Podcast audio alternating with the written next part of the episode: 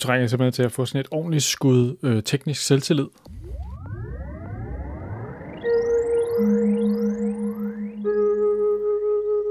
Velkommen til Sci-Fi Snak Med science fiction. og med snak Med Jens Jarl Poder. og Anders Høgh Nissen. Velkommen til. You're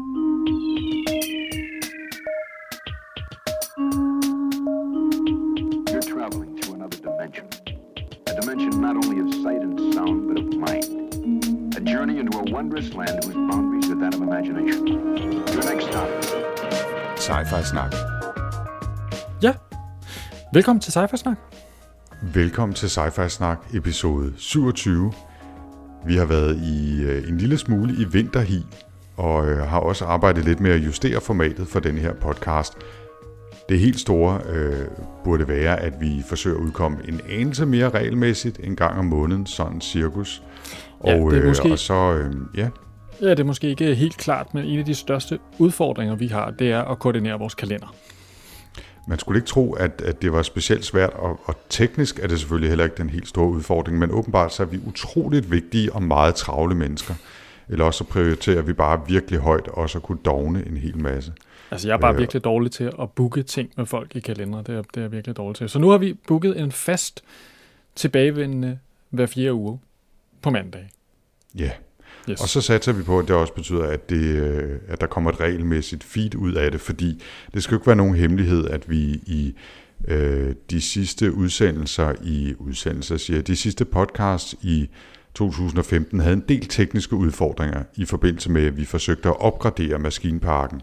Øh, og øh, det gjorde vi altså af flere årsager, men hvad, hvad var det, Dan Tural altid sagde, sagde det, Dan Tural, om hobbyer? De skulle være et, tidskrævende, og to, dyre.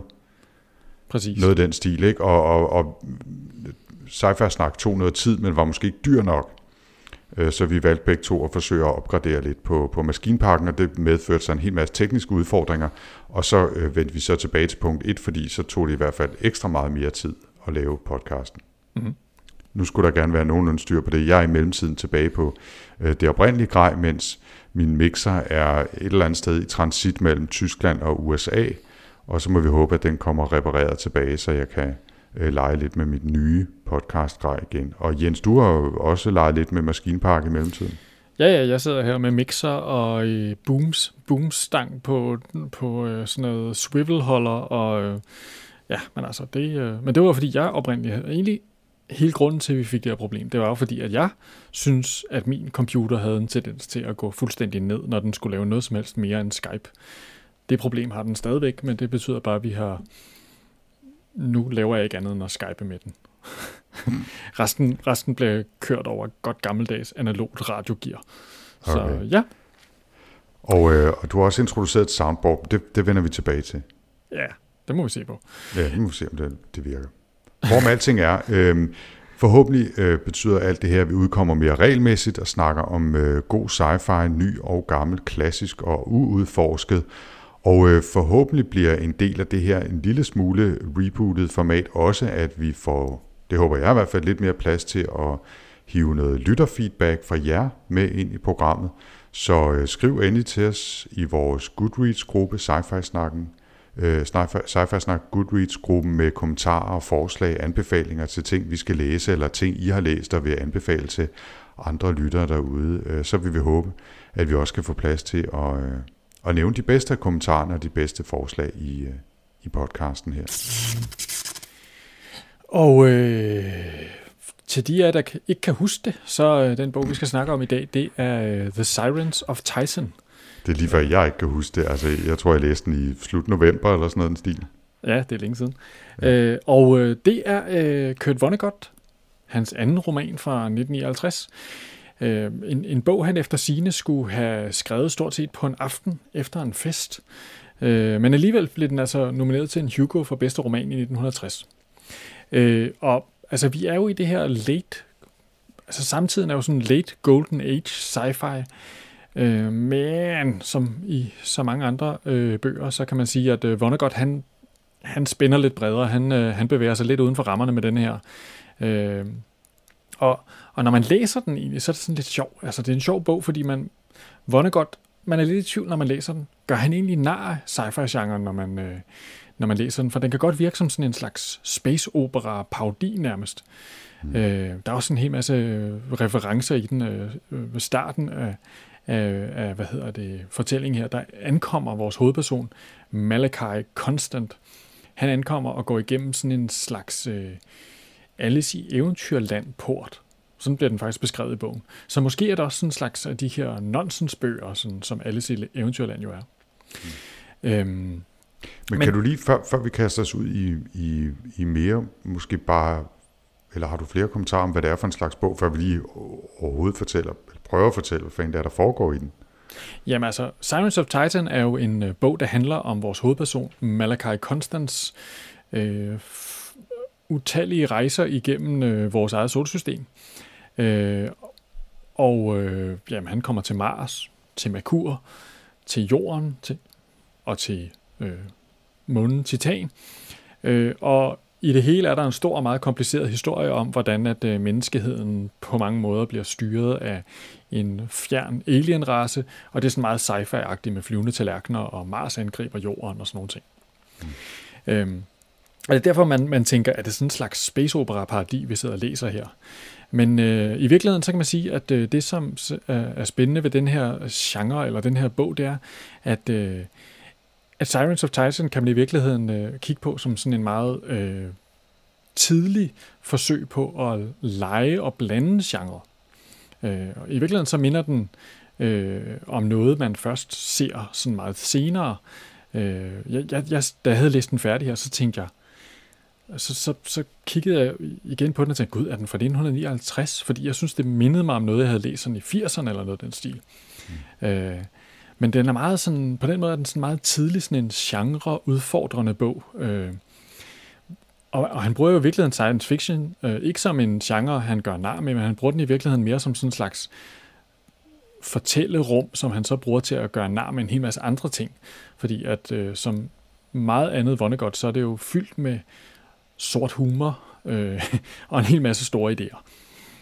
Ja, det, det, er, en, øh, det er en stærkt satirisk roman, øh, og, og jeg tror heller ikke, at han gør grin med sci-fi. Det, det er ikke mit opfattelse. Jeg tror sådan set, at han, han er glad for sci-fi, og, og du brugte udtrykket, Jens, øh, Golden Age sci-fi, øh, altså, og det er jo sådan noget Isaac Asimov og, og øh, måske endda Heinlein og sådan noget, ikke? altså Arthur C. Clarke, klassisk, øh, især rumudforskende science fiction og noget med tidlige robotter og den slags. Og, og jeg tror sådan set, at, at Vonnegut øh, kan lide den slags. Han vælger bare at bruge det som en slags linse eller filter for sin egen samfundssatiriske roman, det her tilfælde, og, og mange af hans andre ting arbejder lidt i det, det samme blandingsrum af science fiction og, øh, og så satire eller samfundskritik eller, eller sort humor i virkeligheden. Bare nogle gange er det nærmest nonsens, som du siger også med reference til Alice i Eventyrland. Ikke? Mm. Øhm, Vonnegut er jo, øh, han døde for nogle år siden, øh, i, i 2007. Øh, han, han brød jo for alvor igennem i, øh, i efterkrigstiden. Han havde været med i 2. verdenskrig og, øh, og skrev øh, Slaughterhouse 5, der kom i 1969. Kan ja. det være rigtigt? Ja, det er rigtigt. Øhm, skrev, skrev den om sine oplevelser i 2. verdenskrig og, og det absurde ved, ved den form for altså total krig øh, og, og, og bomberegnen over Dresden, som han også havde oplevet, øh, oplevet skrev, skrev han om i, i den bog, og den, den, er, ret, den, den er ret frygtelig, altså øh, samtidig med, at den har den der sorte humor, som man også finder her i Sirens of Titan. Og han har skrevet en, en række andre bøger, som, som hele tiden udforsker det der lidt absurde teater i, i en moderne virkelighed, og, og, og næsten er sådan lidt postmoderne, ikke? Mm. Øhm, og jeg har, jeg har læst en håndfuld af dem, altså øh, senest øh, tror jeg faktisk, det var Bluebeard, som, som så vidt jeg husker handler om en kunstner på østkysten i USA. Ikke specielt sci-fi-agtig, må man sige, men, men har samme tone. Altså, øh, i hvert fald i den der håndfuld af, af hans bøger, som jeg har læst, der har han den samme tone hele vejen igennem, øh, som er... Øh, øh, jeg ved ikke, hvad et godt udtryk er, men øh, tongue in cheek, ikke? altså med et skævt øh, humoristisk glimt i øjet hele tiden, og med masser af stikpiller til, øh, til etablissementet i virkeligheden. Jamen, altså han bruger jo hele tiden, altså hele tiden i den her bog, der bliver der sparket til højre og venstre, til autoriteter, ideologier, Altså, det hele får med, rund, med, med rundfilen. Ikke? Mm. Øh, måske skal vi høre et lille klip, faktisk, øh, for ligesom at, at forstå, hvad er det for en stemme, man læser, når man læser Vonnegut. Prøv at høre her. O Lord Most High, creator of the cosmos, spinner of galaxies, soul of electromagnetic waves, inhaler and exhaler of inconceivable volumes of vacuum, spitter of fire and rock, trifler with millennia. What could we do for thee that thou couldst not do for thyself one octillion times better? Nothing. What could we do or say that could possibly interest thee? Nothing. O mankind, rejoice in the apathy of our Creator, for it makes us free and truthful and dignified at last. Ja, altså øh, her hører vi jo øh, øh, den, den, øh, den øh, ærede Reverend Seahorner Redwine, som jo er øh, præst i øh, The Church of God the Utterly Indifferent, altså kirken for, for den totalt ligeglade Gud. Øhm, og det er jo en af de, hvad hedder det, øh, en af de idéer, som øh, Vonnegut han, øh, han spiller i øh, frem i den her, det er, at øh, at det her med, at der er en, øh, en Gud, der blander sig i ting og bestemmer over øh, folks skæbner, det er sådan et tema, der går igen i hele den her bog. Ikke? At, øh, at, at det skal man ikke regne med, øh, og der, der er bestemt ikke nogen grund til at stille, øh, sætte nogen særlig lid til, at hvis der sker noget, så er det fordi, der er nogen som helst form for mening med det. Nej, hvis der er en tematik, der går igennem øh, Science of Titan og i virkeligheden øh, mange andre af, af Vonnegut's bøger, så er det Altså det er en virkelig hardcore form for ateisme, ikke? Som, som handler om, at universet ingen mening har. Der er intet, der sker i universet, som betyder noget. Der er ingen øh, skjulte dagsordner. Der er ikke noget større formål med livet.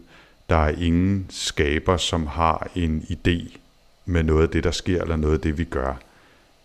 Alting er tilfældigt og i bund og grund meningsløst.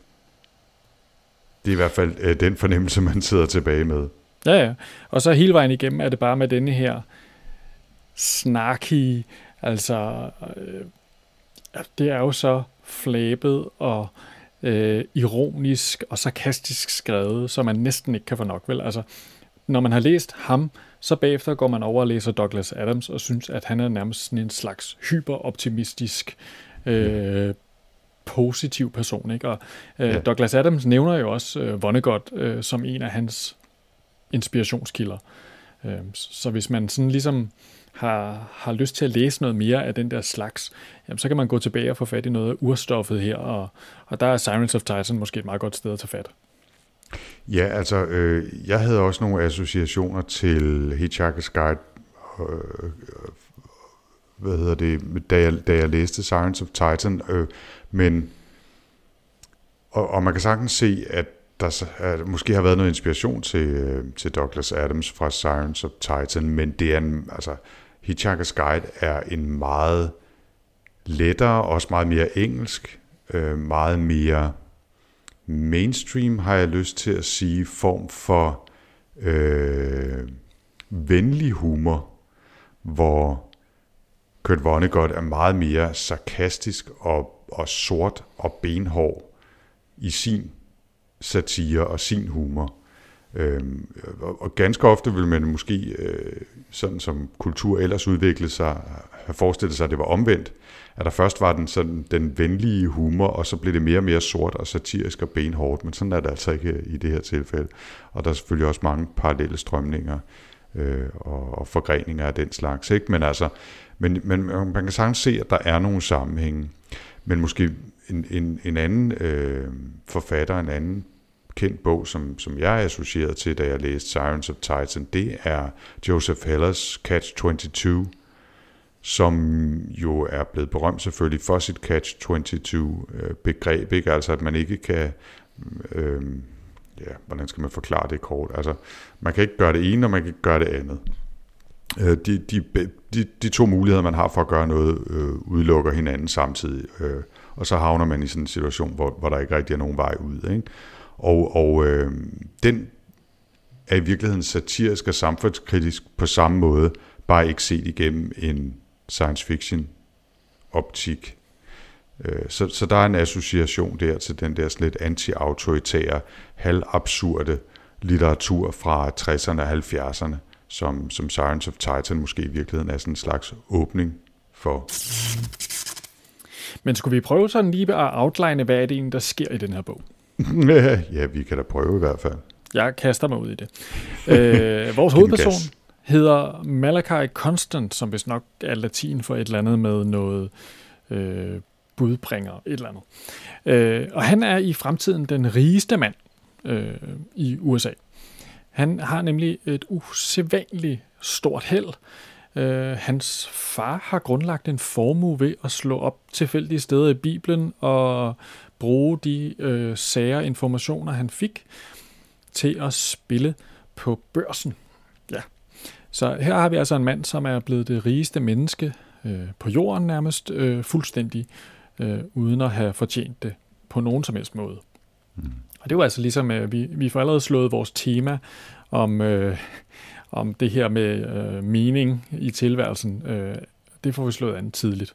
Men, øh, men bogen starter ligesom op med en spændende historie om, at Malachi Constant, han, øh, han bliver viklet ind i en hovedpersonen, eller en anden af hovedkaraktererne, et øh, plot øh, fra denne her øh, sådan mere sådan klassiske old money rigmand Winston Niles Rumford, som øh, er en slags, øh, hvad skal man kalde det, han er sådan en øh, New England-rig, øh, øh, klassisk amerikansk wasp, øh, som har taget et, øh, hvad hedder det, rumskib ud i rummet, og er desværre blevet fanget i sådan et eller andet mærkeligt sted ude i, i rummet, hvor han er blevet øh, forvandlet til et fænomen, der kaldes for en kronosynklastisk infundibulum. Og det er sådan noget med, at man... Ja, jo tak. At det er sådan noget med, at man øh, lever som sådan et øh, bølgefænomen øh, på alle tider, i alle tid på samme sted. Så han er blevet sådan en slags øh, meddeler for fremtiden. Ja. Og, og han, han dukker så op, når, når øh, hvad kan man sige, øh, himmellemerne øh, står på en bestemt måde, så, så materialiserer han sig i, øh, i sit gamle hus, øh, hvor hans øh, meget waspede, tynde kone går omkring og er mærkelig. Øh, ja. Og så kan man så materialiserer han sig øh, sammen med sin hund, Kazak, og, øh, og, og så siger han et eller andet som sådan en profeti om, hvordan verden vil udvikle sig, og det ved han, fordi han eksisterer øh, i alle tider og på alle steder samtidig. Så han, han kender fremtiden fuldstændig. At han så ikke altid vælger at sige præcis, hvad der, hvad der vil ske, det er så en anden sag. Ja, altså fordi at øh, Winston Niles Rumford, han sætter ærligt talt øh, himmel og hav i bevægelse. Øh, og vi skal jo ikke forklare det hele, men altså øh, Winston han har, har snitterne øh, øh, dybt begravet i forskellige ting, der sker på Mars. Øh, han har et lækkert sted, han bor på, øh, på planeten Titan, som øh, er en af som Saturns... en måne. Måner, ja, måne for mm. så. Øh, og, og i, i det her, hvad hedder det, spil, bliver, hvad hedder det, Malachi Constant, han bliver rodet ind i det, og han går jo så fra at være den rigeste mand på jorden, til at ende i nærmest uden hukommelse eller noget som helst, som øh, den sølle, sølle marsianske kommandosoldat Unk. Mm-hmm. Øh, men, øh, men der er en lang, lang historie. Det hele virker meget øh, grotesk og mærkeligt. Der er en lang scene på Makur, hvor at Ung går omkring, mens en af hans venner laver, spiller musik for nogle mærkelige små dyr. Øh, og til sidst så ender det hele på Titan, hvor at vi finder ud af, at øh, det hele har bare været et kæmpe, kæmpe stort, hvad hedder det, øh, komplot som har handlet om, at øh, en robot fra Tralfamadorian, øh, som er landet på Titan, skal have en reservedel. Og, og, og det er sådan ligesom det, som er det store øh, slag med halen, det er, at hele øh, de øh, 200.000 år, som Salo, the Transfamadorian robot, har siddet der på Titan, ja, det har sådan set bare handlet om at få, jord, få menneskene til at bringe Salo denne her øh, reservedel, som var et lille stykke metal, han manglede til sin flyvende tallerken. Det er måske, øh, hvis jeg må indsparke det her, et af de steder, hvor, hvor øh, inspirationen til Dr. Sadams og Hitchhiker's Guide to the Galaxy bliver, bliver mest tydelig, ikke? Altså, hvor, hvor det her giver jo nogle klare mindelser om, øh, at jorden jo er en kæmpe stor maskine, der skal udregne det store spørgsmål til svaret på li- livet og universet og, og alting, ikke? Mm. Øhm, og at menneskene bare går omkring og er uvillige biologiske tandhjul i det her store øh, computerapparat. Ikke?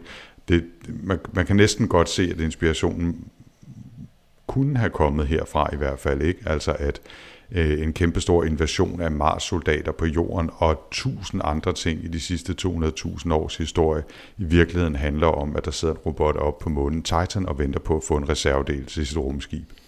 Ja, og man kan sige, at der er masser af sådan nogle begreber i den her bog, som minder ufattelig meget om Douglas Adams. Ikke? Altså, mm. hvis du har sådan noget som, at, øh, at deres øh, øh, flyvende tallerkener, øh, de bliver drevet af den her energi, der hedder The Universal Will to Become, som er den kraftigste energikilde i universet. Jeg kan ikke lige huske, hvad er det nu, som øh, skibet yeah. i, hvad hedder det? Øh, Golden Oh. Heart of Gold. Ja, det, det kører også på et eller andet mærkeligt. Det kører, det kører, på, på, øh, det kører på usandsynlighed. Ja, altså det er sådan ja. lidt, altså det, det er lidt derhen af, ikke? Også, jo, altså jo. det her, øh, hvad hedder det, krono synklastiske infundibulum. Altså det kunne også være et kapitel i, den forklaring der kunne sikkert. sagtens have været en kapitel i en Douglas Adams bog. Ikke?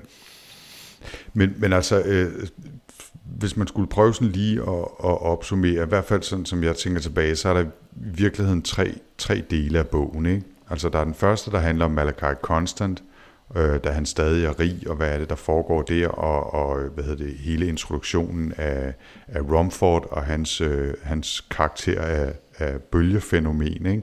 Mm. Så er der sekvensen øh, mellemakten på Mars, hvor man følger øh, Onk, øh, soldaten, som, øh, som har fået indopereret en lille antenne, øh, ligesom alle de andre tusindvis af soldater deroppe, som øh, er, er hentet fra jorden og rekrutteret mod deres vilje til den marsianske hær og fået implanteret sådan en lille antenne, så de kan fjernstyre, så de har glemt alt om, hvem de er. Og Unk hedder bare Unk og øh, ved nærmest ingenting. Og, øh, og så er der så den sidste del, hvor vi er på Titan og følger hvad kan man sige, slutspillet og møder Salo-robotten, uh, Tralfamadorian uh, robotten og, og hører den her historie om, at han går og venter på en reservedel. Det er sådan i virkeligheden de tre store dele, som, som bogen består af. Ikke? Mm. Og så er de hver filtreret ind i små, mere eller mindre absurde subhistorier og plots med kirken, som du nævnte, uh, Church of the God, Church of God, the utterly indifferent, og så videre, så videre. Ikke? Mm. Øhm, vi, vi, jeg var lidt inde på det før, altså øh, det her med, at det for mig i hvert fald er en bog om absurditet og meningsløshed. Mm. Øhm, hvad handler den om for dig? Jamen altså, det er jo, øh, jeg synes jo, at der er så meget, der handler om determinisme og, og tilfældighed. Ikke? Altså, der er ikke rigtig, om Malachi Constant er en en dygtig øh, held eller en ikke dygtig held. Det mm. er fuldstændig ligegyldigt. Det hele det er sådan set bare sat i værk. Altså, han følger sådan mere eller mindre et spor, der allerede ligger foran ham. Lige meget hvad han prøver at gøre. Faktisk øh, får han jo at vide af øh, Sir Winston Niles Rumford, at øh, han skal opleve det her. Det får han jo allerede at vide på forhånd. Og han gør jo alt, hvad han kan for at undgå det. Mm. Men, men han er fanget i denne her deterministiske ting. Ikke? Øh, så, så altså, hoved, hoved, hovedpointen med bogen er jo at, at, at fortælle den her meget, meget sorte historie, som i virkeligheden Altså, hvor meget mere negativt kan det blive, end at hele menneskehedens historie bare handler om, at, øh, at denne her robot, den mangler et lille stykke bukket blik. Altså, det er sådan helt, hvor, hvor, hvor ligegyldigt kan det hele blive, ikke? Mm. Øhm, og ellers så kan man sige, at, at, øh, at øh, nej, hvad vil du sige? Jeg vil sige, at, øh, at det er en ting, det er sådan øh, universets generelle øh, meningsløshed et eller andet sted. Ikke? Øh, og en anden ting er, og det, og det er måske der så, at, at Vonnegut bliver lidt mere, jeg vil ikke sige bitter, men spids måske. Ikke? Altså han igennem den her Church of God, the utterly indifferent, og han har nogle øh, beskrivelser af, hvordan øh, mennesker opfører sig, især når de er samlet i, i større mængder, ikke? Øh, er, er banale og, og dumme, øh, ignorante, som, som, altså, hvor, hvor, hvor det bliver måske en lidt mere spids satire. Ikke? Altså han beskriver, hvor, hvor tåbelige mange mennesker i virkeligheden opfører sig. Øhm, et af de øh, citater, jeg highlightede på et tidspunkt fra bogen, var øh, lyder, The crowd, having been promised nothing, felt cheated because they received nothing. Og det er sådan et, altså, vi har ikke lovet jer noget, men I føler jer snydt, fordi I ikke har fået noget. Mm. Øh, og og, og så, så, og så ryger folk ud på gaden og begynder at demonstrere, eller kan, altså, vi finder høtyvene frem, eller kaster med æg. Ikke? Og det er sådan virkelig en, en spids, ons, lidt ondskabsfuld karakteristik af, hvordan masser opfører sig. Ikke? Og, og, de, og den dimension er der også i det. Øh, hvor jeg synes, at, at den der, hvad kan man sige, øh, den, den historie, der handler om universets manglende mening eller meningsløshed, er, er mere øh, tørt konstaterende. Så bliver han lidt mere spids, når det handler om at kritisere mennesker. Ja, altså det er ikke noget særligt kærligt blik, han, øh, Nej, det kan man ikke han sige. kaster på, øh, på vores race.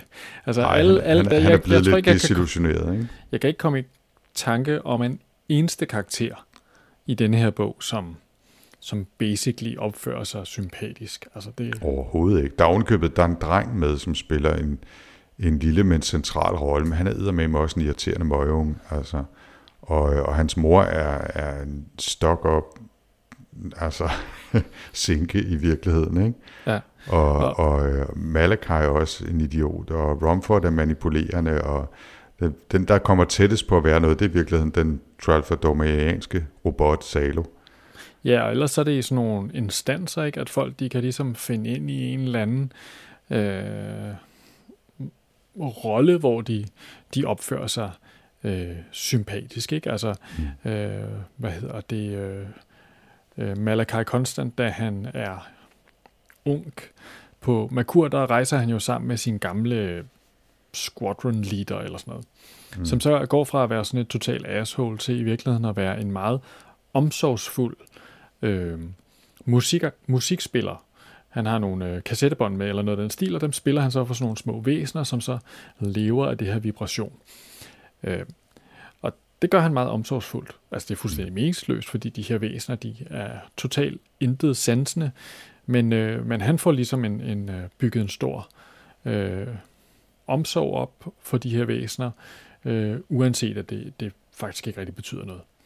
Og det, og det peger måske i virkeligheden meget godt på en af de øh, pointer, jeg trods alt tog med mig fra, fra bogen. Måske også fordi det anslår en eller anden streng i min egen øh, virkelighedsopfattelse, hvis jeg må svinge mig lidt op på de høje navler.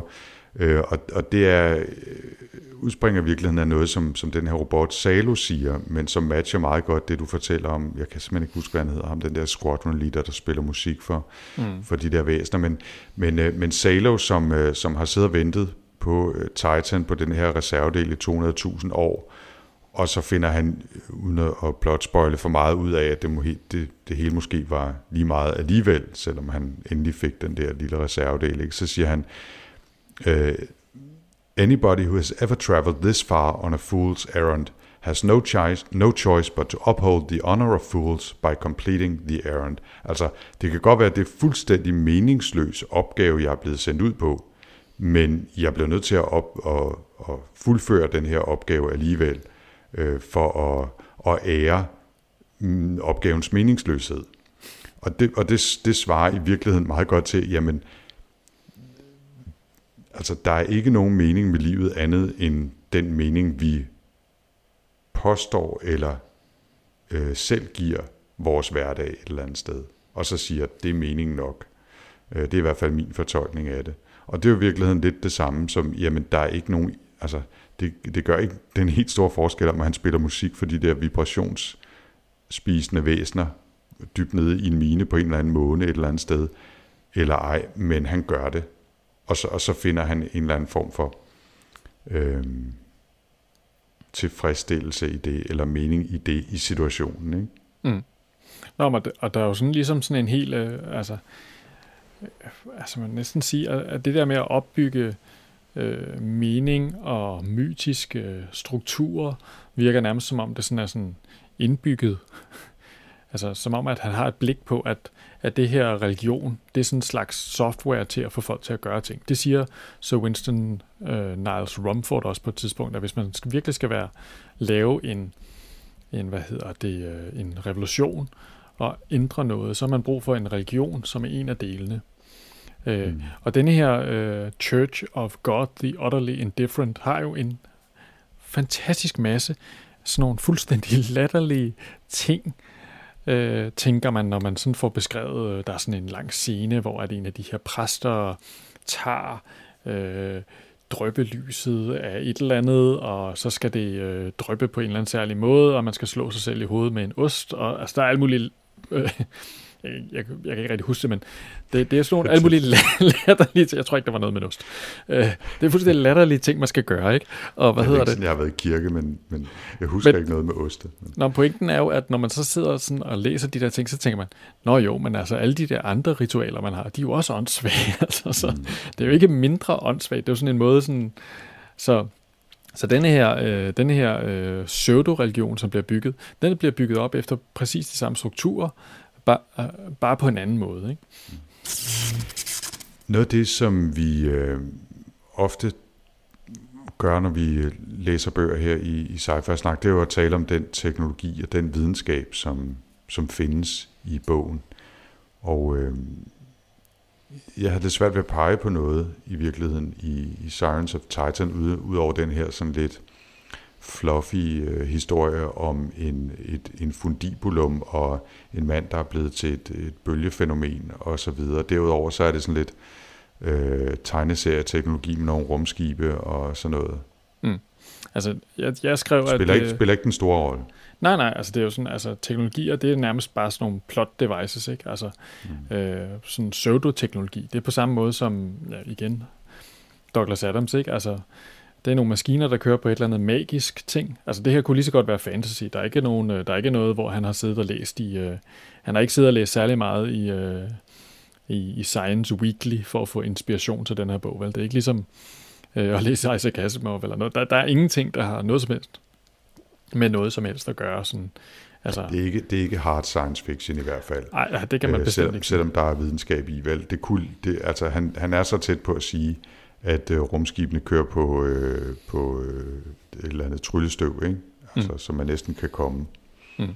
Øh, altså, ja. Så, så, så det er ikke, teknologien spiller ikke den store rolle, kan man sige. Det er i hvert fald ikke, det er ikke en techno-thriller, eller noget, der bare minder om, vel? Og, øh, og der, der er heller ikke meget hard science i det. Nej, og det er jo det, der er lidt sjovt med den her bog, det er sådan, den er lidt svær at indplacere, ikke? Altså, normalt så kan vi sætte den op og sige, om det her, det er det er en øh, first contact bog, øh, bla bla bla. Den her, den er, den er lidt speciel på en eller anden måde på den måde, ikke? For den er sådan, det er sådan humor, men det er ikke sådan en slå, klaske sig på hår på, på lovene humorbog, vel? Altså, det er ikke sådan, at man sidder, en gang imellem så smiler man og, og synes, det er sjovt, men det er altid sådan bitter sjovt, altså. Ja, det er det, og, og, og omvendt så vil jeg sige, så er det en bog, hvor der til gengæld er ganske mange gode muligheder for at highlighte nogle, nogle fine one-liners. Altså i hvert fald, hvis man er i det der lidt, øh, det der lidt sortsynede, bedre øh, universet er bundrådent hjørne af livet, ikke? så er der masser af gode citater, der kan bekræfte en i det, i, i det verdenssyn. Ikke? Ja, ja. Øhm, men, men det er rigtigt, den, den er øh, ekstremt svær at indplacere lige på en, på en bestemt hylde. I hvert fald øh, øh, i undergenren science fiction, og i virkeligheden i det hele taget. Ikke? Altså, den, han, han er sgu lidt sin egen. Ja, men, men sådan synes jeg næsten, det er med alle hans bøger. Ikke? Altså, man, mm. man er ikke sådan helt 100 på, hvor, hvad man skal gøre af dem. Altså, han er, ligesom jeg sagde i starten, ikke? Altså, han er nærmest sådan en meget, meget tidlig postmoderne forfatter, der blander en 3-4 ting sammen i sådan et, i et underligt mix. Ikke? Altså, ja, I og, og, og apropos det, jeg, jeg, jeg ved ikke, om du fik nævnt øh, Stefano Benni som en, som en Nej. association. Nej, men det var præcis den, jeg, den første forfatter, jeg tænkte på, der var færdig. Det var den her også meget satiriske italienske sci-fi forfatter Stefano Benni, som øh, har skrevet for eksempel den store tyk bog, der hedder Terra, som også er sådan en, som på mange måder minder meget om Sirens of Titan, også i sådan sit fuldstændig et sådan, øh, negativt syn på alting, og mm. gør nar af alting. Øh, han tager dem så måske lige steppet videre, kan man sige. Men ja, ja. minder meget om, synes jeg. Ja, ja helt klart. Den ligger i, i samme øh, inden for, i, i samme genre, kan man sige, eller inden for samme plade. Mm. Men altså, når vi nu sidder her og, og, og er ved sådan ligesom at, at runde op, altså, hvad, hvad, nu, nu øh, ja, det var mig, der fandt den frem. Hvad mm. synes du om det, Anders? Altså, jeg har faktisk læst den før, øh, men som med så meget andet klassisk sci-fi, så øh, læste jeg det, mens jeg var måske lovlig ung til for alvor at sætte pris på nogle af nuancerne. Ikke? Øh, og jeg kunne øh, reelt set huske meget, meget lidt. Der var engang med nogle små scener, der poppede op. Jeg vil sige, at jeg er vild med Vonnegut's øh, stil. Altså den, den der meget tørre, kyniske, satiriske humor, han har, og de absurde historier. Og, øh, og, og det synes jeg også, øh, at Sirens of Titan leverer. Men jeg vil sige, at øh, som jeg beskrev, så, så er den lidt opdelt i tre dele. Altså start nede på jorden, så en sekvens på Mars, og så en sidste del på, Sirens, øh, på, på Titan, månen. Og jeg synes, den midterste del på Mars, der, der kede jeg mig ærligt talt. Altså, der, der sidder man bare tænker, kom nu videre, historien kom om, videre. om soldaten Onk og øh, hvordan han ender sammen med en marker i et rumskib nede på bunden af en mine et eller andet sted. Øh, øh der kede jeg mig sgu ærligt talt, og, øh, og synes, at det var lidt uskarpt og lidt ligegyldigt, øh, og virkede som et meget, meget, meget langt indløb til, hvad der i virkeligheden kunne afvikles meget kort, nemlig en mere eller mindre mislykket Mars, eller forsøg fra Mars herren på at invadere jorden. Ikke? Mm. Øh, og, og, og det synes jeg faktisk sænkede den ret meget, og, og det irriterede mig lidt, og det irriterede mig faktisk så meget, at jeg hævde den fra et, øh, et 4, eller måske endda en 4,5 stjernes vurdering ned til en 3 stjernes vurdering. Øhm, og, og set i bagspejlet, det er måske lidt urimeligt. Måske øh, så jeg mig sur på det, fordi der er så mange andre gode ting i, i bogen, ikke? men jeg synes på trods af alt det pæne, jeg har sagt om, om Sirens of Titan og, og den måde, han skriver på, og hvor, hvor godt jeg egentlig kan lide Kurt Vonnegut og, og de ting, han laver, så synes jeg måske også lidt, at jeg kunne mærke alderen trykke på den. Øhm, og sammen med den der lidt nej, meget kedelige midterdel, så, så trak det altså ned. Så det blev mm. kun til tre stjerner. Hvem jeg tror, jeg, jeg, jeg har det lidt på samme måde, ikke? at jeg elsker hans humor, jeg elsker hans, øh, hans fuldstændig skøre fantasi, men altså, jeg mangler også den her... Altså, jeg når aldrig rigtig at blive gode venner med nogle af karaktererne i historien. Øh, og, og synes, synes på samme måde som dig, ikke, at altså, jeg synes klar, klart, at den første del af bogen er den bedste. Mm. Så virker det som om, nå ja, nu skal vi lige have bundet det her sammen, så vi kan udgive den. Øhm, og så er den hele tiden, altså, det at den er så snarky og på kanten. Altså det er, det er jo sådan ligesom at, at have, en samtid, så have sådan en samtale med en person, som er sådan hele tiden er en lille smule ironisk. Ikke? Man kan godt sådan mm. have lidt svært ved sådan at, at give sig helt fri selv også, synes jeg, når man sidder og læser den. Det er ikke sådan en... Ja, øh, den mangler lige det der ekstra, der... Altså, jeg har så givet den fire, men, øh, men altså, man kunne lige så godt argumentere for, at den måske lige kunne blive dykket lidt, vil jeg sige. Altså, det, det, jeg vil gerne, som, altså, som intellektuel øvelse, så kunne jeg snilt give den fire. Mm. Og, og som, som klassiker har jeg næsten lyst til at give den fem. Men, øh, men som, som læseoplevelse og i øh, hvad kan, bagklogskabens ulideligt klare lys, der, der er den altså havnet lidt lavere. Mm. Men jeg er glad for, at den eksisterer som bog, og jeg er glad for, øh, ikke mindst måske, at den har givet inspiration til en masse andre mennesker, hvad den relativt åbenlyst har. Blandt andet altså Douglas Adams og Hitchhiker's Guide, og måske også Stefano Benni og, og flere andre. Altså, jeg, uden, uden den her bog, og i øvrigt uden Kurt Vonnegut og hans forfatterskab, så er der mange ting, der havde set anderledes ud i litteraturen, er jeg sikker på. Ikke? Mm. Ja, men det var altså, det er helt klart også den fornemmelse, jeg sidder med bagefter, ikke? at jeg har læst en vigtig bog, fordi på det her tidspunkt i 1959, der tror jeg aldrig, jeg har set noget, der, der, der er på samme måde. Altså, nu levede jeg ikke i 1959, men altså, jeg, jeg kan ikke sådan... Oh, you didn't? Nej. Altså, det, det er en helt speciel bog, ikke? Og, øh, og man kan tydeligt se, når man læser den nu her, og man, når man læser den med det her blik, så man bare se, oh, den har altså, der er altså nogle af de ting, som jeg har læst i noget andet, som jeg tænkte var utrolig originalt, som i virkeligheden øh, står på skuldrene af Kurt Vonnegut. Mm. Øh, og det, det, derfor er jeg glad for at have læst den. Det er ligesom sådan at have fået en, en, en hjørnebrik til sit science fiction puslespil.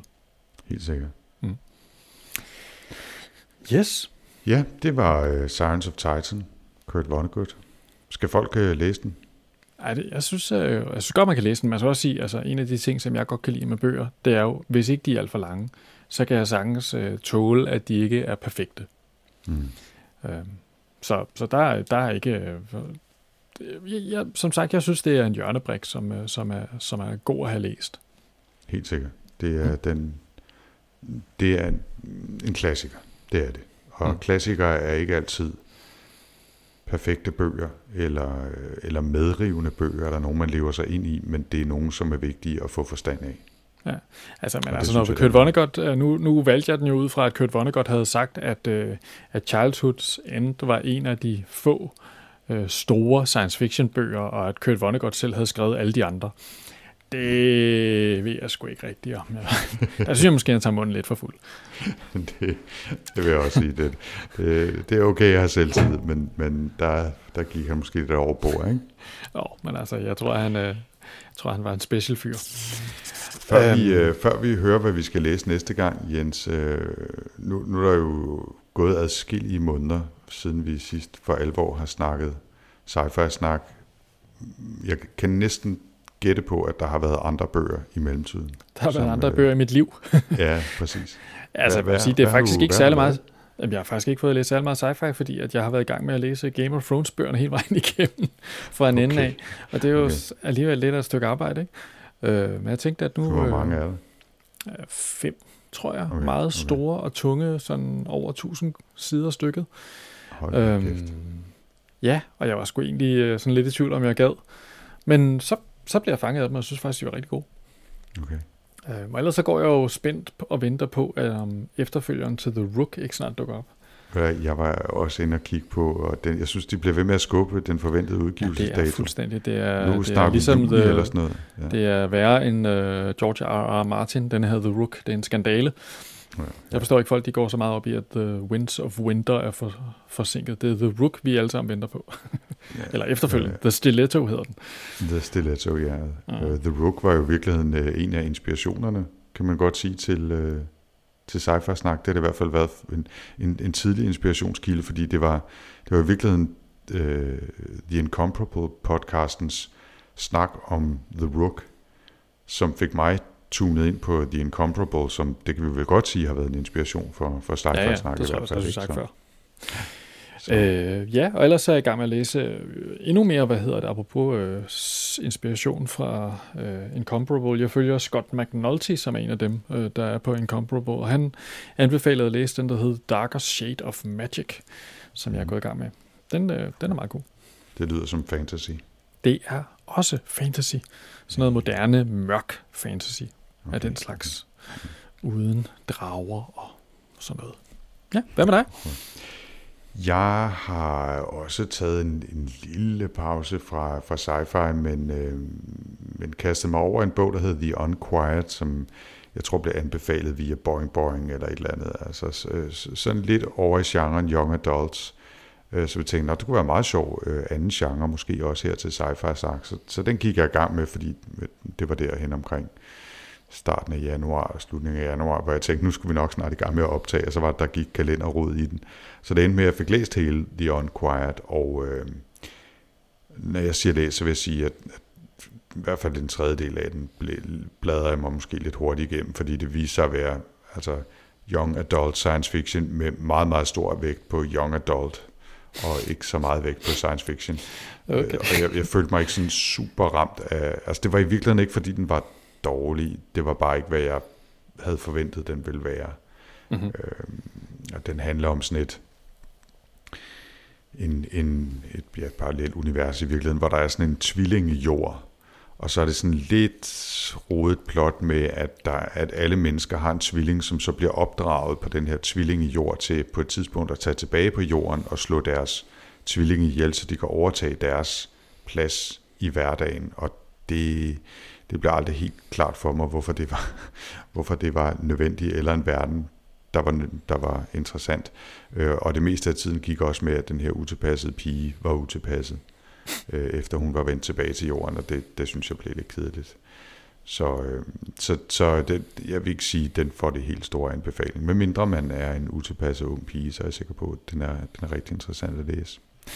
Øh, og ellers så, så tror jeg måske, at den store sci-fi bekendelse fra min side er, at jeg ikke engang har set øh, den nye Star Wars.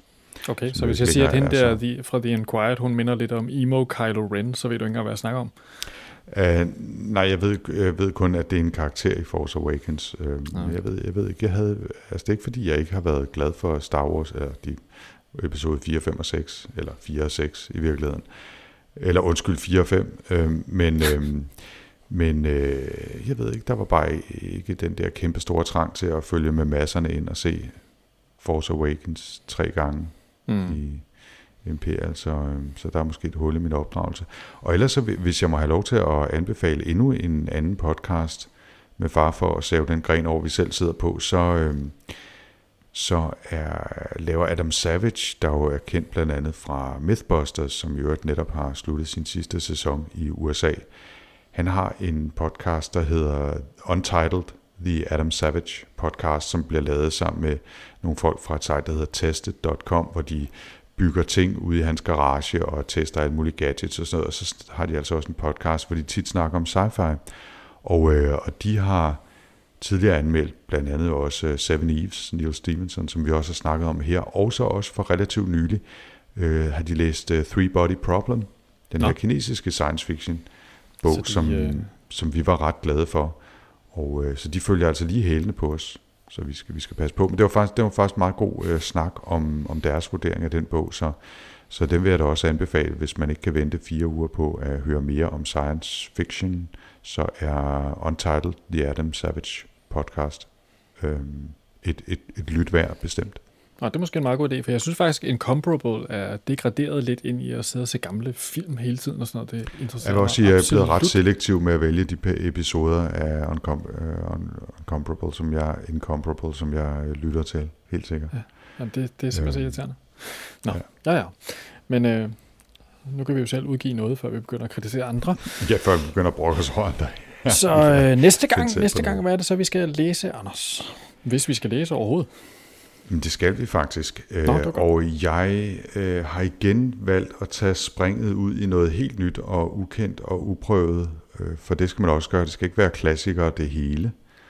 Øh, og øh, måske burde jeg have lært af min erfaring med Unquiet, men ikke desto mindre, så har jeg kastet mod i noget, som i hvert fald har en snært af noget young adult science fiction.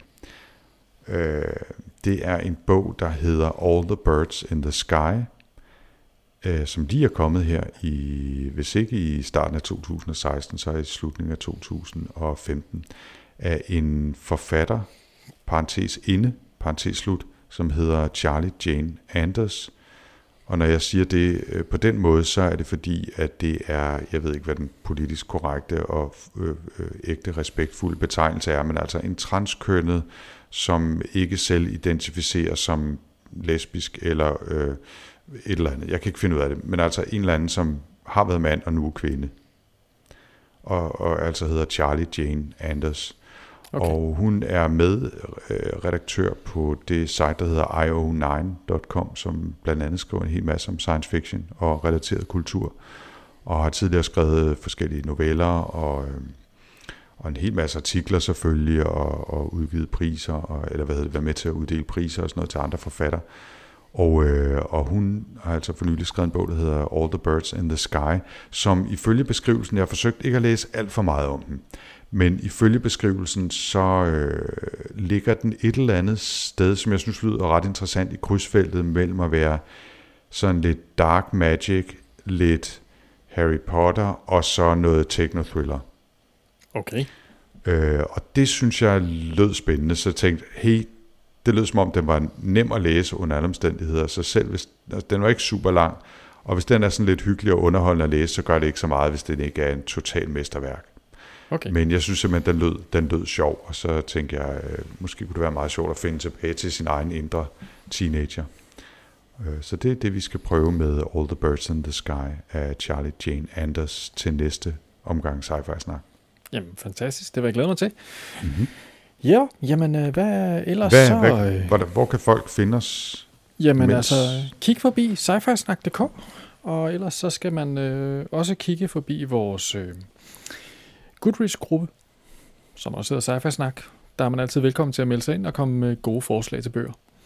Mm. Øhm, ja. Det var, og så annoncerer vi ellers nye udgivelser på, øh, på øh, Twitter som regel. Jeg hedder Snabla Jens Poder. Du hedder noget med tal. Ja, ja, Ligner Anders. 4ND3RS. Det er meget nemt, Yes. når man ser det på skrift.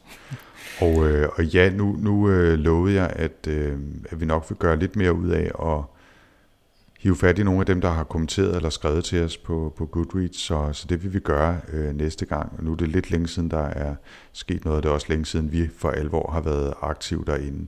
Men, øh, men altså, der er, der er folk, der stadigvæk er søde nok til at skrive derinde, og det er vi rigtig, rigtig glade for. Vi skal nok være lidt bedre til både at selv skrive, til at svare og til at, øh, at bringe nogle af diskussionerne og anbefalingerne med her ind i podcasten.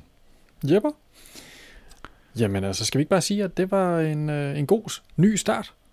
Det, det, det synes jeg er et reboot, som var 2016 værdigt. Præcis. Vi Det er ses. godt. Det gør vi. Ha' det godt, Jens. Hej.